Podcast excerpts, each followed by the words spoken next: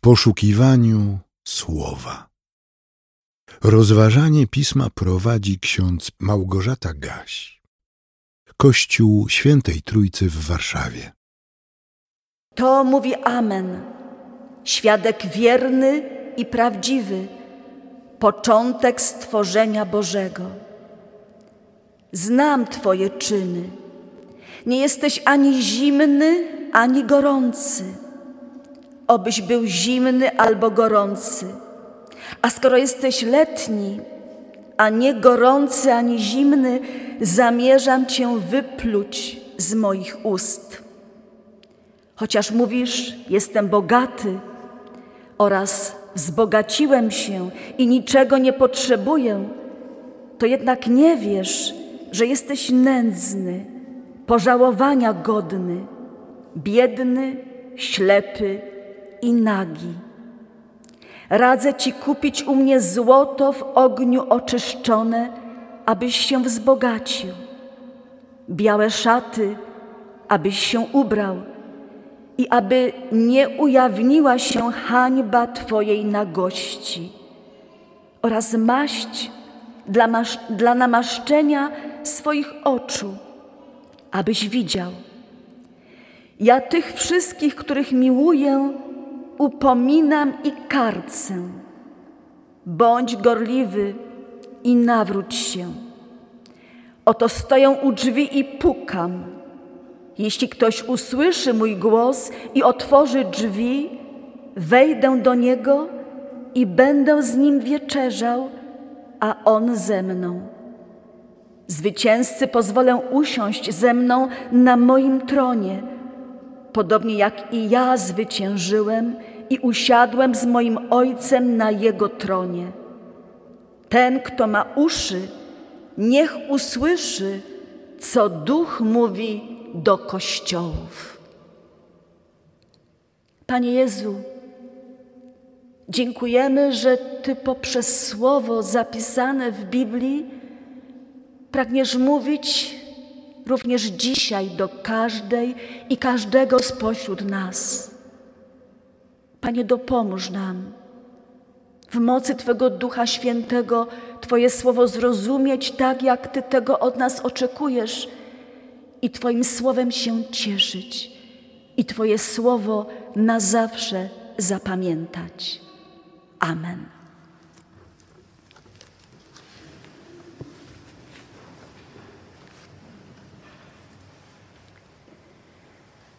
Drogie siostry bracia w Chrystusie, rozpocznę moje dzisiejsze rozważanie od podzielenia się osobistym doświadczeniem. Rzadko to robię, ale dzisiaj na początek chcę Wam opowiedzieć o tym, co przeżywałam bardzo dawno temu, mając kilkanaście lat. Już teraz nie pamiętam, czy było to 16 czy 17 lat, ale pamiętam dokładnie, jak niesamowite wrażenie wywarły na mnie te słowa skierowane do zboru w Laodycei, a zapisane w trzecim rozdziale Księgi Objawienia Świętego Jana w Księdze Apokalipsy. Pamiętam jak dziś, jak trudno było mi się od tej biblijnej prawdy uwolnić. To zdanie Chrystusa: Znam Twoje czyny. Nie jesteś ani zimny, ani gorący. Obyś był zimny albo gorący. A skoro jesteś letni, a nie zimny ani gorący, zamierzam Cię wypluć z moich ust. To zdanie stale do mnie wracało. Kładłam się spać z myślą o tej przestrodze zmartwychwstałego Pana i budziłam się rano. Znowu to wskazanie przychodziło mi na myśl. I co? I bałam się że grozi mi taki właśnie stan, taki właśnie los, że zostanę wypluta czyli usunięta z grona zbawionych. Bo moje chrześcijaństwo jest takie, takie nijakie, takie bez wyrazu, bez niezbędnego zaangażowania, bez potrzebnych deklaracji. Może trudno w to uwierzyć, ale ten stan niepewności, a nawet lęku trwał bardzo długo. Już teraz nie pamiętam, czy to był rok, czy dwa lata, a może tylko kilka miesięcy, ale dla mnie ten czas niemiłosiernie się dłużył. Miałam wtedy kilkanaście lat. I Pan Bóg poprzez to konkretne słowo z Biblii chciał mnie skutecznie zachęcić do tego, bym poważnie pomyślała nad tym, co chcę w życiu robić i jak ma wyglądać moje chrześcijaństwo w praktyce. Nie będę Was teraz zanudzać moimi dylematami z czasów wczesnej młodości, ale chcę na własnym przykładzie pokazać, udowodnić, że Słowo Boga ma moc silnego oddziaływania na nasz sposób myślenia i planowania przyszłości. Gdy miałam 20 lat, rozpoczęłam studia w Chrześcijańskiej Akademii Teologicznej, bo miałam już jasno określony cel, który z pomocą Boga chciałam osiągnąć. Wierzyłam od samego początku, że moim powołaniem danym mi od Boga jest głoszenie Ewangelii. Wiedziałam, że po skończeniu studiów teologicznych mogą się dla mnie otworzyć drzwi, których już nikt nie zamknie. I tak się stało. I jestem wdzięczna Bogu za to moje doświadczenie sprzed blisko pięćdziesięciu lat. Kochani, każdy z nas, mam nadzieję, może podać taki werset biblijny, który w pewnym okresie życia nim wstrząsnął albo w skuteczny sposób zadziwił i zachęcił do szukania odpowiedzi na pytanie, co dalej z moim chrześcijaństwem, jak ono powinno wyglądać w życiu na co dzień. Dziś, na początku nowego roku kościelnego, w pierwszą niedzielę Adwentu, słyszymy słowa Pana Kościoła, zmartwychwstałego Chrystusa.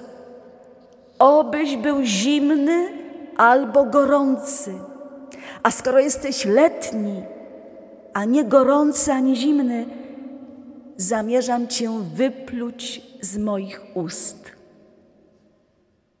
Gdy po raz kolejny czytam lub słyszę te słowa swojego Pana i Boga, wracam do niektórych Jego wypowiedzi, które zostały zapisane przez ewangelistów. Jak na przykład, nie każdy, kto mówi do mnie, Panie, Panie, wejdzie do Królestwa Niebios, lecz tylko ten, kto pełni wolę Ojca mojego, który jest w niebie. Kto nie jest ze mną, jest przeciwko mnie, a kto ze mną nie zbiera, rozprasza. Żaden sługa nie może dwom panom służyć, gdyż albo jednego nienawidzić będzie, a drugiego miłować, albo jednego trzymać się będzie, a drugim pogardzi. Nie możecie Bogu służyć i mamonie. Jeśli kto chce pójść za mną, niech się zaprze samego siebie i bierze krzyż swój na siebie codziennie i naśladuje mnie. Kościół, zbór w Laodycei, do którego został napisany list ze słowami bardzo mocnego napomnienia i ostrzeżenia, był wspólnotą chrześcijańską żyjącą w dużym i bogatym mieście przemysłowo-handlowym w Azji Mniejszej. I jak wynika z naszego tekstu kazalnego, zbór ten szczycił się swoim bogactwem i wielkością, sławą i samowystarczalnością. Był przesadnie ambitny i nie potrzebował żadnej pomocy. A co najgorsze, nie zdawał sobie sprawy z tego, jak wielkie zagraża mu niebezpieczeństwo, bo chyba nie chciał spojrzeć na siebie krytycznie i przyznać się do popełnionych błędów. Chrystus nazywa ten zbór ślepym, nędznym, biednym, nagim i pożałowania godnym. To niesamowicie ostra krytyka. Żaden zbór, żaden chrześcijański zbór, żaden pojedynczy chrześcijanin nie chciałby usłyszeć takich słów na swój temat. A jednak czasami zbory, kościoły, chrześcijańskie rodziny i pojedynczy chrześcijanie zasługują na słowa ostrej nagany i muszą być napominani dla ich dobra. Chrystus zarzuca Kościołowi w Laodycei, że jest letni. Adresaci listu doskonale wiedzieli, o co chodzi w tym zarzucie. Laodycea sprowadzała gorącą wodę z sąsiedniego Hierapolis. Woda ta jednak po osiągnięciu miejsca przeznaczenia nie była ani zimna, ani gorąca, a tylko letnia. I chociaż ta woda miała właściwości lecznicze, bo pochodziła z gorącego źródła zawierającego znaczny procent soli wapnia, to jednak w Laodycei była niezdatna do picia. Woda lecznicza sama w sobie nie jest smaczna, ale w stanie zimnym lub gorącym można jej wypić duże ilości. Natomiast woda letnia powoduje jedynie odruchy wymiotne. Pan Jezus, używając tego porównania, chciał uświadomić zborowi, że jest w złym stanie. Nie jest ani zimny, ani gorący. Czyli członkowie tego zboru wprawdzie nie są bezbożnikami, ale też nie są naśladowcami Chrystusa. A to przecież jest istotą prawdziwego chrześcijaństwa. Zbór był zadowolony jedynie ze swoich sukcesów, skupiony na sobie, na swoim bogactwie, wielkości i domniemanej pobożności, a nie dostrzegł tego, że Jezus Chrystus znalazł się na zewnątrz zboru, bo zabrakło dla niego miejsca, bo członkowie zboru zapomnieli, że to on powinien zajmować najważniejsze miejsce w zborze, że to jemu powinno być wszystko podporządkowane. Jezus Chrystus niepostrzeżenie opuścił ten zbór znalazł się za drzwiami i próbuje do nich pukać. Stoi u drzwi i cierpliwie czeka, aż znowu zostanie wpuszczony do środka. Oto stoję u drzwi i pukam. Jeśli ktoś usłyszy mój głos i otworzy drzwi, wejdę do niego i będę z nim wieczerzał, a On ze mną. Pan Jezus zachęca chrześcijan w Laodycei do nawrócenia i do gorliwości. Bez gorliwego pragnienia rozpoczęcia nowego życia z Chrystusem i dla Chrystusa nie może być mowy o prawdziwym nawróceniu. Bez pozytywnego zareagowania na głos Chrystusa, który puka do drzwi naszych serc, nie może być mowy o prawdziwym chrześcijaństwie. Siostry bracia, my dziś mamy okazję dowiedzieć się czegoś na temat jednego z siedmiu kościołów, z siedmiu zborów, do których zmartwychwstały Chrystus podyktował list, a jego uczeń Jan dokładnie wszystko zapisał.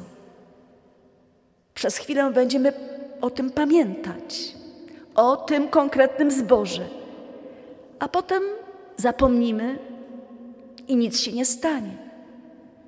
Ważne, żebyśmy pamiętali, jakie wrażenie dziś, teraz, w pierwszą niedzielę Adwentu roku Pańskiego 2022 te słowa Chrystusa skierowane kiedyś do chrześcijan w Laodycei, jakie wrażenie robią na nas.